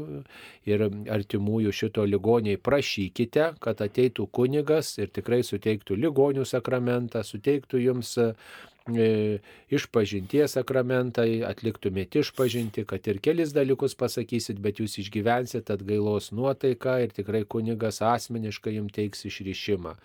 Ir, ir įvardinsit bent gal kelis dalykus, kuriuos pastebit savo gyvenime kaip trūkumus, kaip minusus, net ir ligonis kartais yra ir nekantrus, ir, ir piktas, ir rustus, ir mintysė nusideda, tai nereikia labai sakyti, aš jau niekur neišeinu, tai jokių nuodėmių nedarau. Čia yra labai didelė klaida, kad mes sakom, aš jokių nuodėmių nedarau. Tai reiškia jau aš šventasis, jau reiškia pasiekęs tobulumo laipsnį. Tikrai labai tas tokį atneša abejingumą dvasiniam gyvenime būtina yra iš pažinties prieiti ir ligonis yra kviečiamas pasikviesti namus kuniga. Nereikia ten galvoti, kad kunigas čia užimtas ar panašiai, tiesiog kunigo pareiga ligonius lankyti, kunigo pareiga yra atnešti komuniją, tik tai reikia duoti ženklą kunigui, ne, ir artimieji tą turėtų tuo pasirūpinti. E, tai tikrai dabar, pavyzdžiui, va, dar laikas, kada galima tą padaryti, ne, praeina tas intensyvus laikas, kada kunigas užimtas ruoša šventėms, ar ten prieš pat šventės galbūt tuo laiku suprantama, bet, va, pavyzdžiui, dabar e, jau praeina ir pirmosios komunijos e, tie rūpeščiai, praeina sutvirtinimų sakramentų toksai šventimas per parapijas, tai kunigas jisai gali ir ligonius aplankyti, kuriuos nelankęs visus metus, pavyzdžiui, bet reikia duoti žinę, kad mūsų namuose yra ligonis arba vat, yra slaugos namai, kuriuose reikia ligoniui dalyvauti e, e, kuriuose ligonis serga ir reikia kunigui dalyvauti e, tenai, kad būtų patarnauta tiem žmonėms sakramentų srityje. Tai Tai va taip pasakytume, o, o šiaip tai tikrai žiūrėjimas mišių per televizorių, tai žinot, dažnam katalikui tai yra įdingas, įdinga praktika, nes žmonės tuo apsiriboja. Tai pasižiūrėti galima, bet tai neatstoja gyvo dalyvavimo ligoniui, tam vienišam žmogui, kuris negali net ir labai norėdamas, stengdamasis dalyvauti mišiuose, tai yra pagalba, bet, bet kitiems tai tikrai nėra pagalba, o dažnai meškos paslauga. Va. Taip įvyko, kad po pandemijos, kai žmonės įprato žiūrėti į mišęs per televiziją arba per internetą, jau žmonės taip priprato, kad nebegrįžta į bažnyčią. Ir dalis žmonių jau šitaip apsiriboja ir galvoja, kad jie jau viską padaro, nors gali nueiti bažnyčią, bet čia yra lengviau, paprasčiau. Tai va, visiems šitiems noriu priminti, kad jeigu yra galimybės nueiti bažnyčią, ir yra privaloma eiti, tik tai tie ligoniai, kurie negali, kurie negali nueiti, tai tik tai tiems Tai yra pagalba ir, kaip liaudės sako, atstoja mišes. Tai vienu žodžiu, visiems reikia prisiminti šitą pareigą, nu tai šventa pareiga yra sekmadienio bažnyčios, bažnyčios įsakymas, na ir reikia vykdyti. Taip, dar viena e, žinutė toks klausimas. Kokio įsilavinimo reikia šių dienų zakristijonui, ar jis privalo dažnai priimti komuniją? Taip klausimas Danutės iš Klaipėdos. Tai čia nėra jokio įsilavinimo, bet tai liturgija tai turi suprasti, reiškia minimumą visų dalykų, reiškia tos funkcijos, kurias jis turi atlikti, jis turi žinoti. O teologijos jau jam nereikia baigti. Bet išmanimo tam tikro teologinio reikia. E, tikrai e, truputėlį ir tai ateina su patirtim, ateina kunigas patarė, paaiškina, specialaus kažkokio įsilavinimo nereikia, aišku, žmogus, kuris įsilavinęs, jisai tikrai tada gali gal kokybiškiau atlikti šitą užduotį ir paskaityti ir skaitinį sugeba, pavyzdžiui, žmogus turintis įsilavinimą, jisai išmano šiek tiek kirčiavimą, išmano šiek tiek mm, skaitimą viešą, viešą kalbėjimą, tai tada Zakristijonas gali tikrai raiškiai perskaityti Dievo žodį ir, ir, ir visiems suprantamai. O dėl patarnavimo, ruošos šventoms mišioms, tai tikrai galima tuos įgūdžius ir, ir tas žinias įgyti išugdyti dirbant. Svarbu tas troškimas, noras, pamaldumas svarbu. Pamaldumas labai svarbu, nes, nes e, žmonės žiūri į tuos žmonės, kurie stovi prie altoriaus ir iš jų ima pavyzdį. Tai, sakyčiau, Zakristijonas turėtų priimti šventą komuniją kiekvieną dieną, kai dalyvauja ir patarnauja šventose mišiuose. Jeigu, pavyzdžiui, patarnauja keliose šventose mišiuose, užtektų vienose priimti šventąją komuniją, kitose galima nepriimti, bet, bet šiaip reikėtų, kad būtų nu, sakramentinį tą gyvenimą gyvenantis ir jam besiruošiantis žmogus, tai yra ir iš pažinties einantis, gal ne pas kleboną, gal pas kitą kokį kunigą, kitoj parapijoje. Va, ir, ir e, taip pat besiruošiantis priimti komuniją, nepriimtų kaip duonos paplotėlio, apsipratęs prie altoriaus, bet vis tiek tą pagarbą išlaikytų, nes tas apsipratimas yra turbūt zakristijonų lyga tam tikra, kai, kai žmonės apsipranta su sakraliais dalykais. Man norisi dar priminti, kad gali būti idealus zakristijonas. Tai reiškia tokius, toks, kuris turi ir teologinių žinių, ir ypač atjaučia žmonės ir moka padėti. Ir tada jisai tampa kaip ir tas žmogus, kuris tarp, tampa tarpininku tarp to žmogaus ir kunigo. Yra toksai, nu, toksai juokas, kad pirmiausia žmogus atlieka išpažinti pas zakristijoną arba pas seselę vienuolę, o paskui jau eina pas kunigą reiškia, tai yra pirmiausia jisai įsiaiškina savo bėdą, savo reikalą su žemesniu asmeniu pagal šventimus. Na ir tada jau eina toliau. Į paruošę reiškia sustikimui su kunigu, padrasinę ir, ir kažką pamoko, pasako, tai čia jau yra idealu. Taip, tai va, šiokio tokio vis dėlto įsilavinimo reikia, bent mhm. tokio bendro išprusimo, tokio, žinot, kaip sako, iš bendro įsilavinimo. Taip. Tai va, tai čia reikia. dažnai, e, e, žinot, tas bendras įsilavinimas reiškia, kad žmogus turi ir pagarbą, ir supratimą tokį, ir, ir tokią išmintį gyvenimišką, ir kartais tie paprasti žmonės tokios išminties tikrai daug turi, ir jie ir padrasina, ir patarė, ir paaiškina kai ką na va, būdami ten prie Zakristijos durų, ten pavyzdžiui, ar spaudą platindami, ar ten kalėdaičius dalindami žmonėms, ar žvakutes padėdami žmonėms įsigyti, tai paaiškina daugelį dalykų ir, ir ypač tiems, kurie drovisi susitikti su kunigu nenori, arba bijo, arba ne, ne, nu, tiesiog dėl įvairių priežasčių neprieina prie kunigo. Mums paskambino. Genė iš Vilniaus. Garbė Jėzui Kristui. Per amžius vakar pavyzdžiui vakare per rožinį meldėsi marija išgelbėk mus. Aš norėčiau paprieštarauti. Marija gali tik užtarti mus. Mus gelbė jėzus kristus ant kryžiaus. Jisai praliejo savo šventąjį kraują kad išgelbėtų mus Taip, ir visą ačiū. pasaulį. Ir kaip jono evangelija rašo aš esu kelias tiesa ir gyvenimas. Nėra kito kelio pas dangaus tėvą kaip tik per mane. Per jėzų kristų būsime išgelbėti ir išganyti. Ir mes negalime paniekinti Kristaus aukos, nes tai pačiai Marijai labai nepatiks, tai jos sūnų mes nuvertinsime, pažeminsime jos sūnų. Marija ne, niekada nestos į savo sūnaus vietą.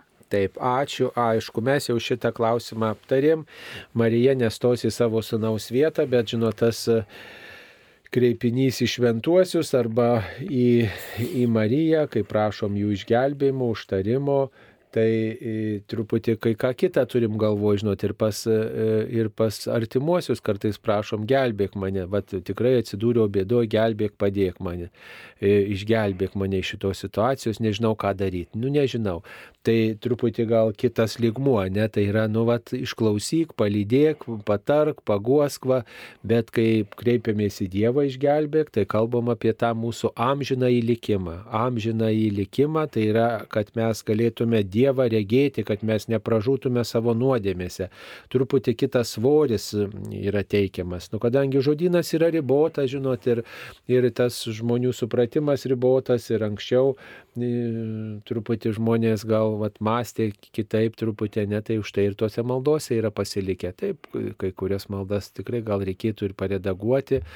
Nu, va, bet yra įprasta taip melstis žmonėms ir tik tai va, reikia turėti galvoj, kad e, sudedami skirtingi akcentai, ne šventieji palydimus prie Dievo, ne, o Dievas teikia tą amžiną išgelbėjimą, išganimą, pilnatvę, e, ypač mirties akivaizdoj. Net ir šventieji mirties akivaizdo jų išgelbėjimas tuo gali pasireikšti, kad mus palydi prie Dievo. Mums kažkokią malonę išmeldžia iš viešpaties, bet tam, kad prie Dievo priartėtume. Dar čia panaši žinutė yra apie, e, apie e, Marijai skirtą maldą ir taip pat apie radio veiklą. Labai reikia, radijas veikia gerai, labai gerai, jokių trikdžių negirdėti, gal klausytojų senas aparatas. Moterys skimba prie žodžių, reikia melsti širdimi, o ne kaitaliuoti maldo žodžius. Mes įpratę taip melstis kaip dabar nuo vaikystės ir visokie kaitaliojimai apsunkina maldą.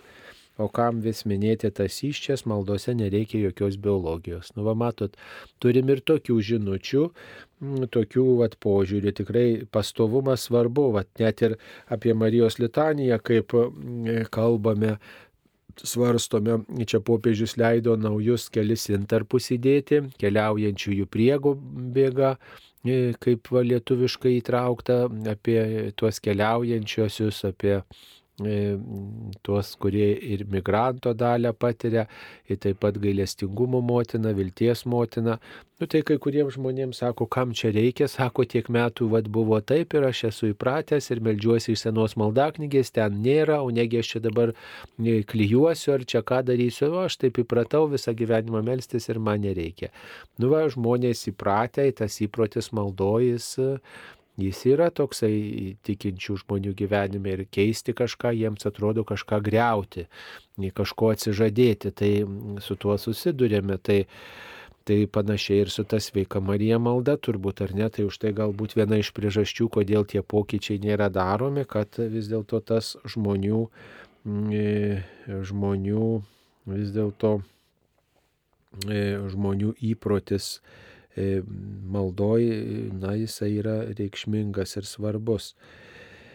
E, apie tai na, irgi deram pasvarstyti, norint kokius nors pokyčius priimti. Dar viena žinutė, koks jūsų požiūris į naują madą nesifotografuoti su giminėmis per laidotuvės, klausia Paulina. Na, va, anksčiau buvo mada fotografuotis per laidotuvę su giminėm, o dabar tos mados jau nebėra. Na, aš prisimenu iš savo, e, e, savo močiutės gyvenimo, štai vieną kartą iš spintos ištraukė albumą, žinot, varto ten laidotuvių nuotraukos, o giminėms sako, kodėl nuotraukos vien tik tai laidotuvės.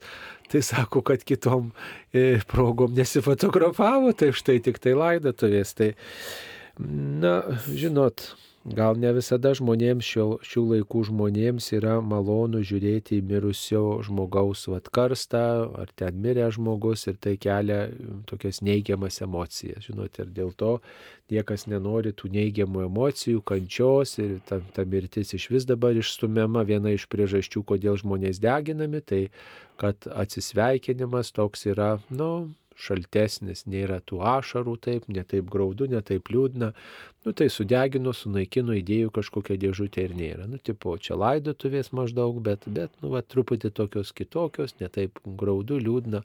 Ir net ir klausiant, va, aš esu klausęs kai kurių žmonių, kodėl sudegino, sako, kad artimiesiems ne taip liūdna būtų.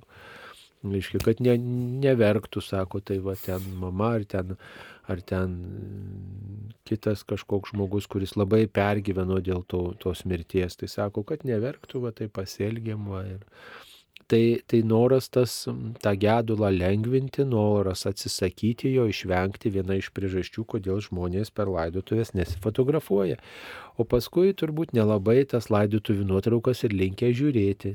Geriau žiūrėti pramogas šio laikų žmogui, ne gimtadienius, dar kažkas, kur ten šypsosi, linksmi, hihihaha, o tų liūdnų progų žmonės nenori prisiminti ir nenori kelti neigiamas emocijas. Tai Tai aš manau, tokia priežastis yra. O, o, ar, o ar tai gerai, kad, kad žmonės nesifotografuoja, tai jūs čia spręskite. Aš sakyčiau, gal prisiminti svarbu gyvą žmogų, ar ne? Ir, ir, ir gyviems susitikti įvairiomis progomis ir nusifotografuoti atminčiai ir tos, fotograf, tos nuotraukos per laidotuvės, na, jos čia tam tikrų laikmečių turbūt žymiai.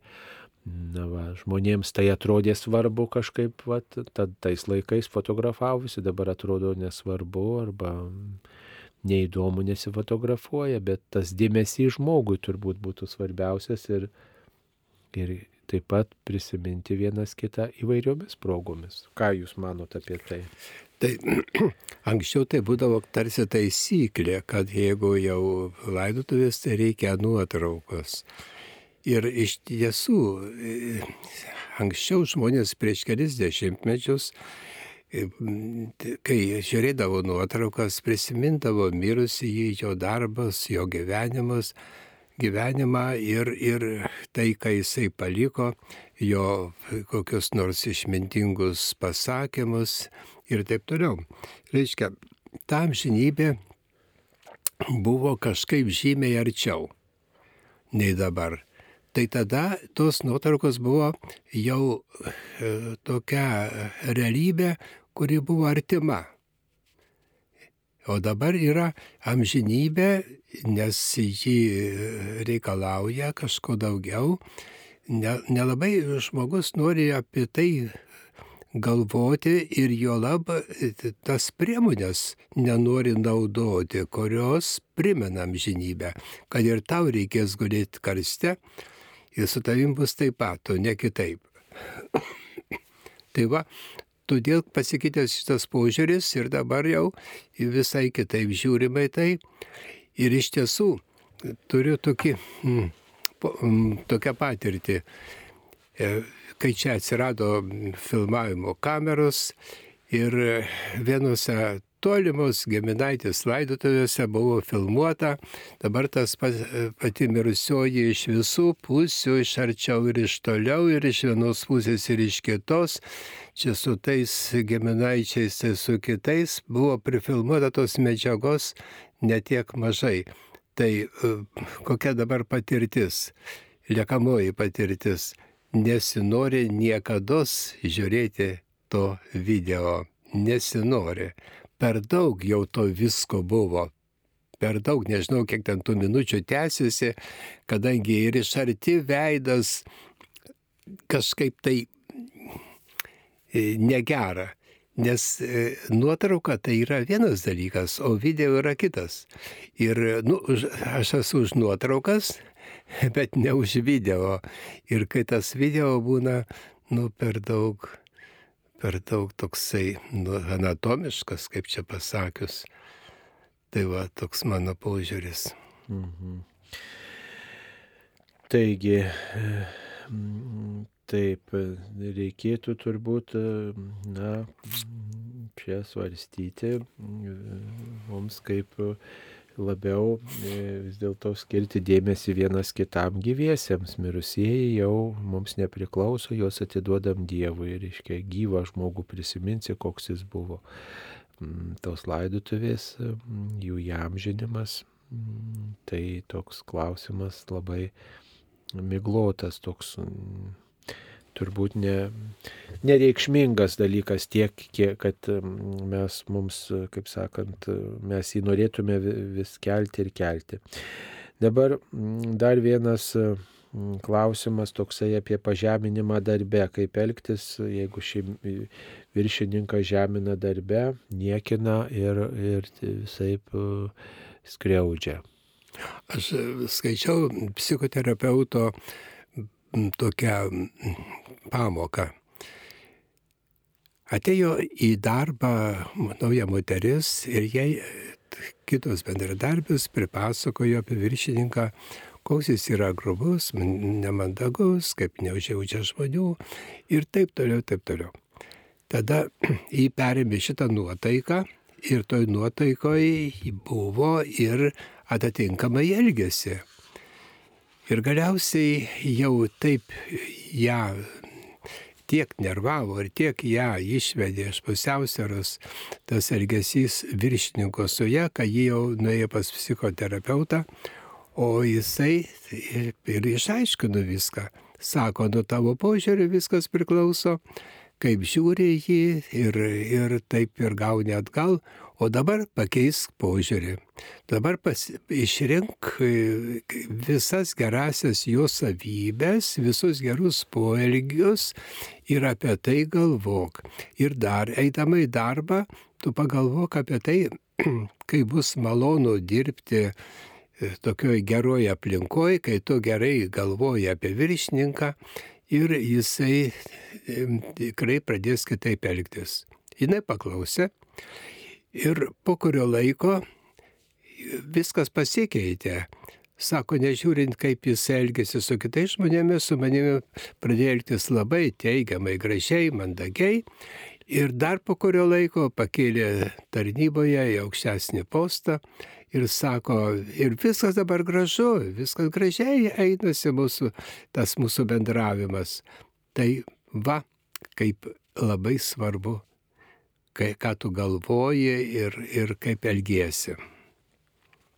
Taip svarbus mūsų nusistatymas ir e, ta nuolatinė turbūt malda net ir už mūsų vadovus, draugus ir priešus, kad mes neniekintume kito žmogaus. E, dar viena žinutė. Praeitie daug meldžiausi įvairiomis intencijomis, ar galima toms maldoms suteikti kitas intencijas, kitus kitus prašymus. O, tai čia įdomus klausimas. Nu, bet žiūrėkit, jeigu tu kokią tai dovaną padovanoji vienam žmogui, tai tu negali pasi, atsijimti, dovanoti kitam. Reiškia, kuriomis intencijomis jau yra paukota, tai yra taškas, o, o dabar kitus dalykus nu tai reikia tada tą aktualiąją, naujai iškilusią intenciją aukoti kitas maldas ar ten nusigalėjimus, savo atgalas ir panašiai. Taip, jau tos maldos, kurios buvo sukalbėtos, jau jas ir palikit ramybėje. Meldžiausi taip, kaip mokėjau, kas tuo metu rūpėjo ir to prašiau ir panašiai. O dabar jūs, jums čia gyvenat ir dabar, jums rūpi galbūt kiti nauji dalykai, tai vad jais ir melskitės, juk čia nereikia prie kažkokio prašymo specialių kažkokių maldų. Malda tai yra santykis, kartais, žinot, tas nuoširdus atodusis arba pasakymas Jėzau gelbėk, Jėzau padėk šitoje situacijoje, va, matai, tau pavedu, nuoširdžiai prašau, pagelbėk, ačiū tau, kad tu praeitį man padėjai, kad išklausai ir dabar kreipiuosi tave. Vat paprastas sakinys, atodusis viešpatie pagelbėk, ačiū tau Dieve, tau pavedu šitą reikalą. Ir gali būti ta karšta malda, kuri na, tą pagalbą prišauks, atkreips Dievo dėmesį. O šiaip įvairios maldos tai yra na, to santykio tokia su Dievu įvairovė. Tas turtingas e, prieimas prie Dievo per įvairias tradicijas ir nereiškia, kad vienas prieimas jau yra jau čia toks veiksmingas, o kitas netoks. Tai taip galbūt žinom, kad vienas maldas kalbėdami žmonės sulaukė pagalbos mm, ir, ir tikrai tos maldos galbūt padėjo labiau širdį atverti Dievui labiau tą tikėjimą ūkdė negu kitos, bet, bet tai yra santykio dalykas, ne, ne kažkokio teksto, ne, ne kažkokių tokių specialių priemonių. Tai tas čia būtų toks truputį klaidingas svarstymas, kad būtent tokios maldos tai jau geros, labai veiksmingos, o tokios niekam tikusios. Svarbus santykis, koks mano su Dievu, bet ne, ne koks tekstas. Tas tekstas ugdo tikėjimą vienai par kitaip jį išreiškia, bet, bet mano santykis su Dievu yra daug svarbiau, kas man yra viešpats ir, ir kaip, kaip aš jį priimu į savo širdį. E, dar apie nuodėmės, savo nuodėmės. Ar galima savo nuodėmės e, ir apie nuodėm klausio nurodymus kalbėti su drauge, su kitais žmonėmis? Tai tai, ką pasakė per išpažinti. Man. Mm -hmm. Žinot, aptarimas, ką kunigas pasakė, yra labai nu, toksai negeras dalykas. Todėl, kad tada ta trečias asmuo negali viską suprasti, kas vyko tarp tos draugės ir kunigo. Ir, ir kartais ir draugė gali neįsakyti visko ir tada gali būti kažkoks nesusipratimas. Paprasčiausiai šitas dalykas yra daryti nepatariamą, nu nebent įvyktų kažkoks papiktinimas, kai kunigas nesupranta, nesuprato reikalo ir pasakė kažkokią taip, nu, nu, netinkamą patarimą. Tai tada aptarti, pasitarti, kaip čia yra, tai, ta, tai yra tada gerai, bet tai turėtų baigtis e, tuo, kad eiti pas kitą kunigą ir įsiaiškinti iki galo. Tai va tokie pasitarimai nėra girtini, bet būna ir išimčių. Turbūt e, žmonės nori pasidalinti patarimais, kuriuos išgirdo, kad ir kitas žmogus, jeigu tą e, turi problemą ar tą nu, vat, nuodėmę turi savo gyvenime, kad pasinaudotų tuo patarimu, kuris buvo tam žmogui suteiktas, tas noras patarimais taip, taip. pasidalinti. Mm -hmm. Bet čia turbūt reikia tam tikro ir diskretiškumo, nes vis tiek saugoti tą išpažinties paslapti turėtų ne tik tai nuodėmklausis, bet ir tas, kuris eina išpažinties, ne nekalbėti apie savo nuodėmės, kurias pasakiau, ne, tai jau man į tai atsakė tą ir tą. Nu, jo, tai savo gerą vardą esam kviečiami saugoti ir, ir, ir tiesiog palikti galbūt tai santykiui su Dievu, santykiui su Dievu būtent šiame sakramente palikti tuos visus patarimus. Kad jie mums tie patarimai e, būtų mums specialiai skirti, gal tam žmogui reikia visiškai kitokio patarimo, ne? Ir, ir e, vis dėlto tai yra toks slėpinys, tas e, tokia gelmė, net ir atrodo nieko ten nepasakė per tą išpažinti, bet vis tiek kažką ten daugiau per tuos žodžius gauni ir tą patarimą perteikti kitam žmogui, tai ne visada perteikti tą gelmę, kurią ten išgyvenai tam to sakramento metu. Va. Ir, ir dar kitas dalykas. Dievo malonė kartu veikia su kunigo žodžiais. Tas, kas buvo išpažinties, gavo tą malonę ne tik tai žodžius, ne tik patarimus. Ir jam e, gali labai padėti, o kitam žmogui, kuris gauna tik tai patarimą, o malonės negauna, nes išpažinties neėjo, tai tada nu, tai būna nekas, nelabai gali suprasti ir nelabai gali padėti. Na ir dar čia viena tokia replika apie e, viršininko žeminamą žmogų. E, žmogui turinčiam jį žeminantį viršininką siūlyčiau, jei yra galimybė keisti darbą, jei ne, kreiptis į darbo inspekciją. Psichologas gal padėtų nebent tam viršininkui. Na, va, keisti darbą. Nu, kartais, aišku, tai yra toks kraštutinis atvejis, bet gali būti tai ir bėgimas toksai, nereikia galbūt pagalvoti ir apie kitus variantus, nes mm, įveikti sunkumai, surastos išeitis mm, mus stiprina, mus stiprina, mus brandina ir tikrai svarbu ugdyti mums įvairias tokias geras savybės Ir galbūt tos sunkios sąlygos tam ir duotos, kad mes išmoktume ir kantrumo, ir nuolankumo, bet aišku, žmogus pats nustato tą ribą, ne, kad jau čia viršyje mano kantrybė ir nuolankumo šitą žeminimas, niekinimas ir aš negaliu toliau eiti. Čia kaip ir skausmos lengstis, ar ne vienam. Vienas sako, gal, dar galiu iškesti, o kitas jau šaukia, ne, ne, ne, man nuskausminkit, jau nebegaliu. Tai, tai turbūt panašiai ir tuose mūsų dvasiniuose dalykuose ir psichologijoje patyčios netoleruojamos niekuomet, bet, bet va, tas sprendimas turbūt e, situacijose patiriant patyčias, paniekinimą labai, tie sprendimai labai skirtingi. E, tai ačiū, mėly klausytojai, kurie uždavėte įvairius klausimus, ačiū, kurie klausėtės mūsų šioje laidoje. Prie mikrofono buvo kunigas Algirdas Paliokas iš Kauno Pranciškaus Savero bažnyčios ir taip pat prie mikrofono buvo aš, Vyskupas Saulis Bužauskas. Būkite palaiminti, viešpats tiesaugo jūs ir jūsų artimuosius. Sudie.